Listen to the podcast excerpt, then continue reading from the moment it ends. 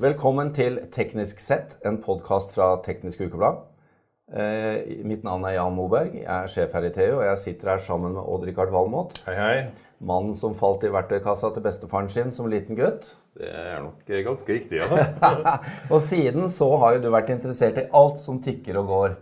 Ja, Og ja. bråker og bruker olje og bensin og alt mulig. Eller strøm.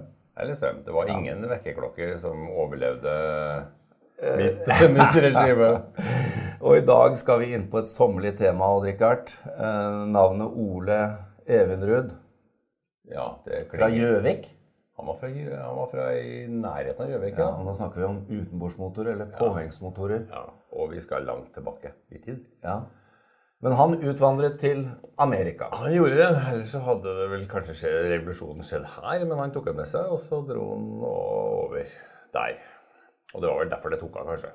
Ja, jeg skjønte det sånn at han var på en eller annen piknik en gang og skulle ro til land for å kjøpe iskrem og ut igjen. Og da hadde iskremen smelta, så tenkte han at her må vi finne på noe som går fortere enn at jeg ror. Ja. Og det han laga Altså, konseptet var jo fra 1905. Og da het det ikke poengsmotor, det het automatisk romaskin. Nettopp. Så han, han var ikke på propellen med en gang. Nei, det var vel ideen med propell, men den skulle erstatte årene, altså. Det var en automatisk romaskin. Men etter at han i 1909 introduserte en 1,5 hesters eh, påhengsmotor, som de kalte det, så tok det av. Da tok det av. Og han er faktisk påhengsmotorens far. Definitivt. Og det er jo noe å være stolt av her i Norge. Ja, ja. Eh, men eh, Og det har, kommet, det har skjedd mye siden den gang. Det, det er jo ingen, ingen tvil om. Men eh, ta, ta litt eh, bakgrunn her. Altså, det er noen spesielle trekk med disse utenbordsmotorene. Vi har så vidt vært innom det tidligere. Både motortemperatur og en, en del ting, da. Men i bunn og grunn så har jo dette vært det samme produktet helt siden 1909. ja. Det må jo, det må jo vannkjøles, ikke sant? Eh, og da suger du inn eh, det vannet som er rundt deg. Og det er litt problematisk med tanke på sjø. For de motorene må jo gå i sjø også. Og da drar det inn salt. Så det betyr at du begrenser motortemperaturen. Jeg tror det er sånn noen og 60 grader maks. Hvis du har høyere temperatur, temperatur inni, så får du utfelling av saltkrystaller. Da, da tetter rett og slett tette i eh, kjølesystemet. kjølesystemet. Så, og det gjør at motorene reduseres litt i virkningsgrad i forhold til Mm. de som er, er i en bil og sånn som kan gå varmere. Jo varmere, jo bedre. Så det er jo ikke Det er jo De forurenser mer enn andre motorer som kan gå varmere. I praksis så gjør de det, ja. Og de har jo ikke katalysator eller noe sånt, de motorene her. Men eh, det er jo også et, en annen grunn til at vi har oppfattet dette som støyende og kanskje litt sånn eh, karakteristisk lukt. Og det er jo Ja, det, totaktsmaskineriet. altså, det er jo ikke tvil, og det var jo en forferdelig støykilde. Det, altså, den enkleste motorkonstruksjonen du kan få, er jo en totakter. Og det var jo ikke rare eksosanlegget på de motorene her.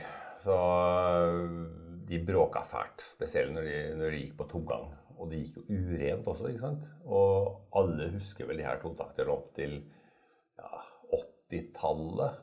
80, Opp til 90-tallet. Forgasser og oljeblandinger rett i tanken. Og, Dette var forgassermotor. Ja. Ja. På, på eh, innsuget så sto det en svær forgasser, eller flere, og, og dro inn uh, luft og bensin. Og mye av det her gikk jo uforbrent ut gjennom spyleporten. Og det gjorde at bensinforbruket på en totakter var jo formidabelt. og det var ikke alltid at jeg var like nøye med oljeblandingen heller. Så Nei, det er klart du, du tok du, den var jo ikke variabel på den tiden. Nei, du hadde en skvett ekstra, så det er sikker. ikke sant? Så det osa og røyka, og det var fryktelig. Men eh, det ble sjøliv ut av det òg, da. Ja da, Det det. eh, det kan vi huske. Men så kom da også introduksjonen av firetakteren. Firetakteren var jo på mange måter en revolusjon som eliminerte mange av problemene som totakteren sleit med. Eh, og de kom jo Honda var vel en, om ikke den første, så i hvert fall de som hadde mest suksess i starten. Honda er jo liksom firtakt, firtaktere hele veien. Men de var tunge, da. De var tunge. Og det vekta på firtakteren er jo fremdeles eh, et problem. For det er, eh, men, men for all del, de siste åra har de redusert vekta dramatisk. Eh, Jeg husker jo jeg hadde en sånn 25 hester Yamaha. Altså, den veide jo godt under 50 kg. En håndterbar motor. Nå har jeg en det er riktignok en totakter, det også, men med injection. Den er jo på 25 hester. Den er jo 80 kg. Og den leamikken du har fått, enten det er firtakter eller totakter, har økt vekta. Men den har blitt renere, den har blitt stillere, den er bedre maskin. Men du var inne på det. For etter firetakteren så er vi litt tilbake til vår venn Evenrud. Ja. Da, da, da kom jo den gamle totakteren litt tilbake. Ja, altså Evinrude har jo aldri vært på firtaktere. De har holdt seg til gamle Ole hele, hele veien, de. Men totaktere blir jo mer og mer uh, uglesett av miljømyndigheter. Så de, de, og jeg må også si andre, da. Yamaha var tidlig ute, og mange andre, for å, for å revitalisere totakteren. Men Evinrude dro det lengst. De fikk fiksa problemene til totakteren i poengsmotorsammenheng. Og det gjorde de primært ved å bruke bensininnsprøytning istedenfor forgasser. Men hvor stor effekt hadde det i forhold til tidligere? Altså, Det, det effekten var dramatisk. Fordi at uh, du fikk ned bensinforbruket til uh, omtrent det nivået en firtakter ligger på. Uten at du fikk de problemene en firtakter har.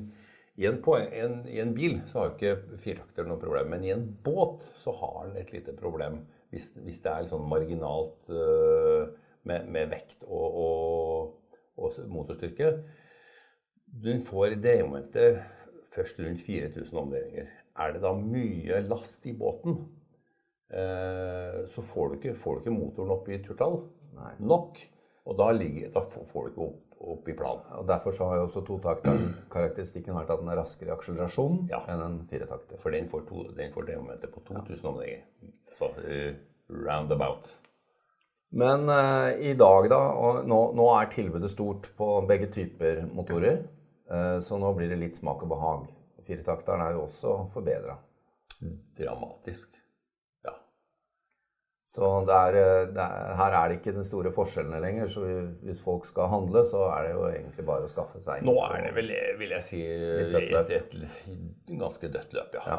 Jeg er jo fremdeles veldig glad i totakteren, men øh, jeg ser jo at firetakterne har kommet etter. Men vi må huske på at det her er et lite marked i forhold til bil.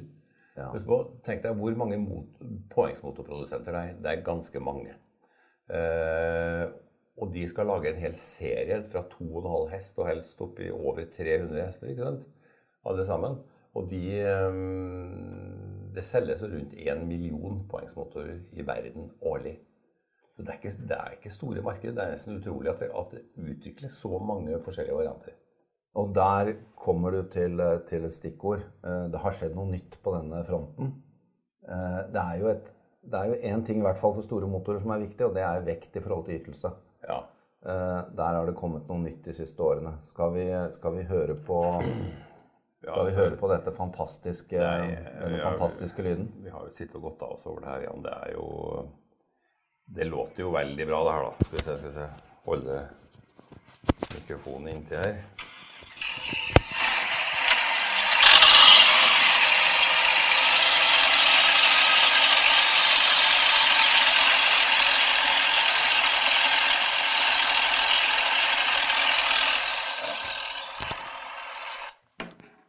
Man får vel en viss eh, peiling på hva det der er.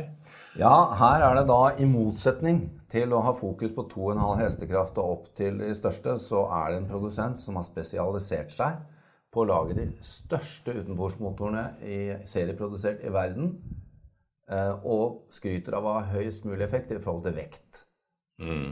Og de heter Seven Marine og har tatt utgangspunkt i de gode gamle V8-blokkene fra USA. Ja. Og de er selvfølgelig aluminium. Så det, altså de, den, veier jo, den veier jo et halvt tonn, den uh, poengsmotoren. Men den har 557 hester.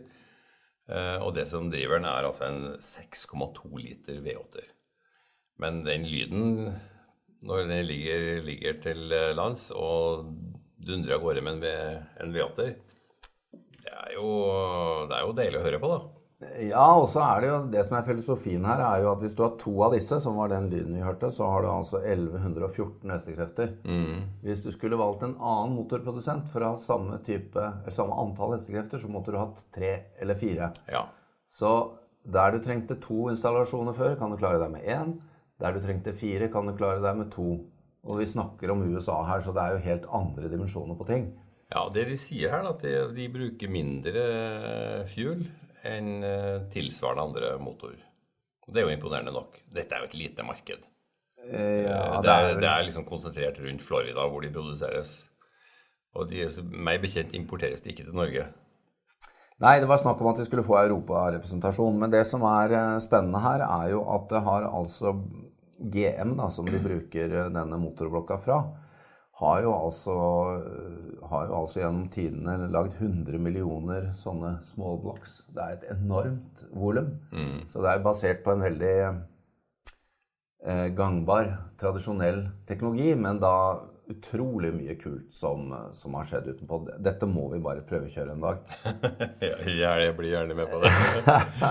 jeg tenkte vi skulle avslutte med et annet tema som, eh, som, du har snakket en del om. Det er jo Det har jo blitt en eh, trend eh, å få ålreite dieselmotorer inn, innbords, som innbordsmotorer i båtparken også i Norge. Også på de som er litt mer høytelse. Og nå har det kommet et tilbud også på utenbordsmotor. Ja, altså et svensk firma, jeg tror det er i Göteborg faktisk, de lager en poengsmotor som heter Okse, med X. Altså dyret okse. Uh, de tar rett og slett og mariniserer en dieselmotor som har turbo, intercooler og hele pakka. Uh, og de lager altså en 200 hesters variant. den er relativt tung, da, 300 kg, men det er ikke fryktelig mye det for ja, en påhengsmotor. Hvor, hvor mye veier en, en, en 200 hester bensin i forhold? Nei, altså det, den veier jo typisk godt over 200. Ja. Altså mellom 220 og 300 kilo, den også. Så det er, snart... det, det, er ikke, det, er ikke, mye mer vekt. Nei. Men poenget er at den bruker jo 42% mindre drivstoff. Og drivstoff uten avgifter. Og det er jo litt av problemet med poengsmotorene. De, de bruker jo enormt med drivstoff. Det er jo som å, altså det å fortrenge vann er noe annet enn å fortrenge luft. Og det har jo alle som har nærma seg en marina, lagt merke til. Ja, det er jo sånn at de siste, de siste 1000 omdreiningene på høy fart, det, det slurper unna dobbelt så mye drivstoff eller noe sånt. Det koster, det koster fryktelig. Men i forhold til de timene man bruker det, så er det kanskje ikke det som er den store utgiften. Nei, det er den utgiften du ser. Det er den variable ja. kosten. Men alt det andre, det innkjøp av motorbåt og sånn, du bør jo bruke motoren mer og ikke mindre, når du tenker sånn. Men i disse, i disse, miljøvennlige tider, og det er viktig å ta vare på klimaet, men eh, det har jo skjedd mye bra, da, kan vi oppsummere. Det har blitt renere, det har blitt bedre, også disse motorene. Ja, ja. Dramatisk. Så uh, vårt råd til lytterne må jo være å kose seg i sommer og kjøre båt, og ikke tenke for mye på det.